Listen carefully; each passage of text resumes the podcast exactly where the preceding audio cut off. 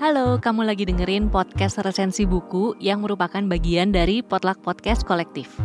Di episode ini, kamu akan dengerin resensi buku dari teman-teman yang berpartisipasi di kompetisi podcast resensi buku 3. Kompetisi ini berkolaborasi dengan tujuh penerbit, yaitu Gramedia Pustaka Utama, Kepustakaan Populer Gramedia, Penerbit Haru, Buku Mojok, Penerbit Mizan, Bentang Pustaka, dan Gagas Media, dan juga berkolaborasi dengan Inti Megah Suara Indonesia. Selamat mendengarkan. Assalamualaikum, halo semuanya. Aku Aisi akan membacakan resensi buku yang berjudul Ayah. Buku Ayah ini karya Andrea Hirata yang diterbitkan oleh penerbit Bentang Pustaka. Buku ini dirilis pertama kali pada tahun 2015, merupakan novel fiksi Indonesia yang memiliki latar belakang di Belitung. Jika kita melihat cover buku ini, mirip salah satu adegan yang ada di dalam buku. Terlihat ada dua orang, yaitu satu orang dewasa, satu anak kecil memegang kembang gula. Mereka tampak berbincang. Mari kita masuk dalam ringkasan buku. Pernah dengar istilah bucin alias budak cinta? Mungkin kalian yang pernah di fase ini kayaknya nggak ada seberapanya deh dibandingkan bucinnya Sabari. Sabari ini adalah salah satu tokoh yang ada di dalam buku.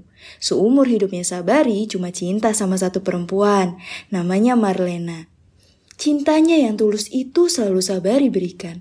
Lalu bagaimana awal cerita Sabari bisa sebegitu cintanya kepada Marlena? Sebut saja cinta pada pandangan pertama. Mereka sedang ujian masuk sekolah kala itu.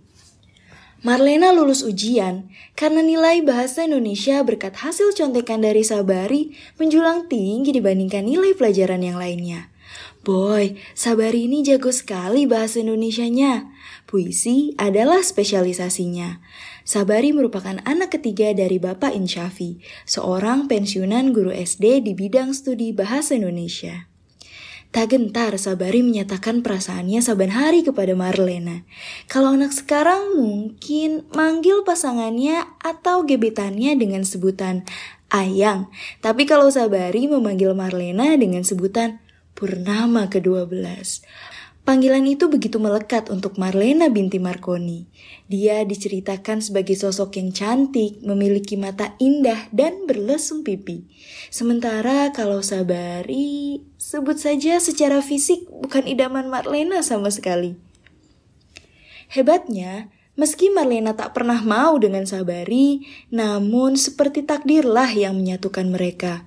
Mereka berdua lulus, kemudian beranjak dewasa, mereka menikah Ya, meskipun secara terpaksa diselenggarakan demi menutup aib keluarga. Marlena hamil, anak hasil hubungan dia dan kekasihnya. Yang entah dengan siapa. Akhirnya, Marlena pun melahirkan. Bukan main, Sabari menyambut anak itu dengan sukacita. Dia pun menjadi bucin kepada anak yang dilahirkan oleh Marlena. Anak itu dipanggil Zoro. Hari-hari bersama Zoro bagai kehidupan untuk Sabari. Sementara Marlena lebih cenderung berada di kehidupan bebas dan berpetualang, meninggalkan Sabari dan Zoro di rumah. Marlena jarang pulang. Kala itu Marlena kembali, namun bukan untuk menemui Sabari dan berkumpul bersama seperti layaknya keluarga. Akan tetapi menuntut cerai dengan alasan menikah tanpa rasa cinta. Diterima hal itu dengan lapang dada. Bagi Sabari, waktunya bersama Zoro lah yang terpenting. Konon, hari paling penting dalam hidup manusia adalah hari saat manusia itu tahu untuk apa dia dilahirkan. Sabari tahu bahwa ia dilahirkan untuk menjadi seorang ayah. Ayah bagi Zoro. Hingga suatu ketika terjadilah adegan yang aku sampaikan pada informasi buku di awal tadi. Sabari dan Zoro sedang ada di taman balai kota. Zoro asik dengan kembang gulanya menunggu ayahnya membeli balon gas yang jaraknya hanya beberapa langkah dari tempat duduk mereka. Namun saat Sabari membalikan badan, Zoro diambil paksa. Inilah titik memilukan di mana Sabari merasakan kehilangan yang amat mendalam. Zoro dirampas begitu saja dari pelukannya. Zoro yang berusia tiga tahun saat dipisahkan dari Sabari terus merengek karena biasanya sebelum tidur Sabari selalu berpuisi atau bercerita untuk Zoro. Marlena akhirnya memberi kemeja Sabari kepada Zoro karena saking frustasinya. Hanya dengan memeluk kemeja ayahnya, Zoro dapat tenang dan tertidur lelap. Semenjak meninggalkan Sabari sendiri, Marlena beberapa kali menikah. Sifatnya yang mudah bosan membuat pernikahannya tidak pernah berjalan mulus, membuatnya kawin cerai dengan suami-suaminya itu. Akhirnya, dia memilih untuk menjalani hidupnya sendiri dengan Zoro. Mereka berkelana, berkeliling Sumatera. Beruntung, Zoro adalah anak yang tidak pernah mengeluh dan memahami kondisi ibunya. Marlena senang sekali menulis surat, diceritakan perjalanannya kepada sahabatnya Zuraida yang berada di Belitung. Marlena juga memiliki sahabat-sahabat pena. Tak lupa, dia juga berbagi cerita dengan mereka. Kabar Sabari semakin merana. Bahkan kesedihan itu sampai ke negeri seberang yaitu Australia. Merasa kasihan dengan keadaan Sabari, sahabat karibnya Ukun dan Tamat merasa terpanggil untuk berbuat sesuatu demi satu tujuan, membawa Zoro kembali ke pangkuan Sabari. Berbekal surat Marlena kepada Zuraida dan sahabat penanya, mereka memulai perjalanannya. Pulau Sumatera mereka kelilingi, segala upaya mereka kerahkan, meski dengan dana seadanya.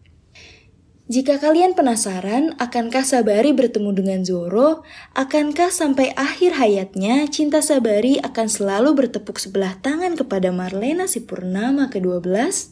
Kalian boleh beli, koleksi, dan baca buku ini, biar kalian merasakan dan nikmati sendiri emosi membaca bukunya.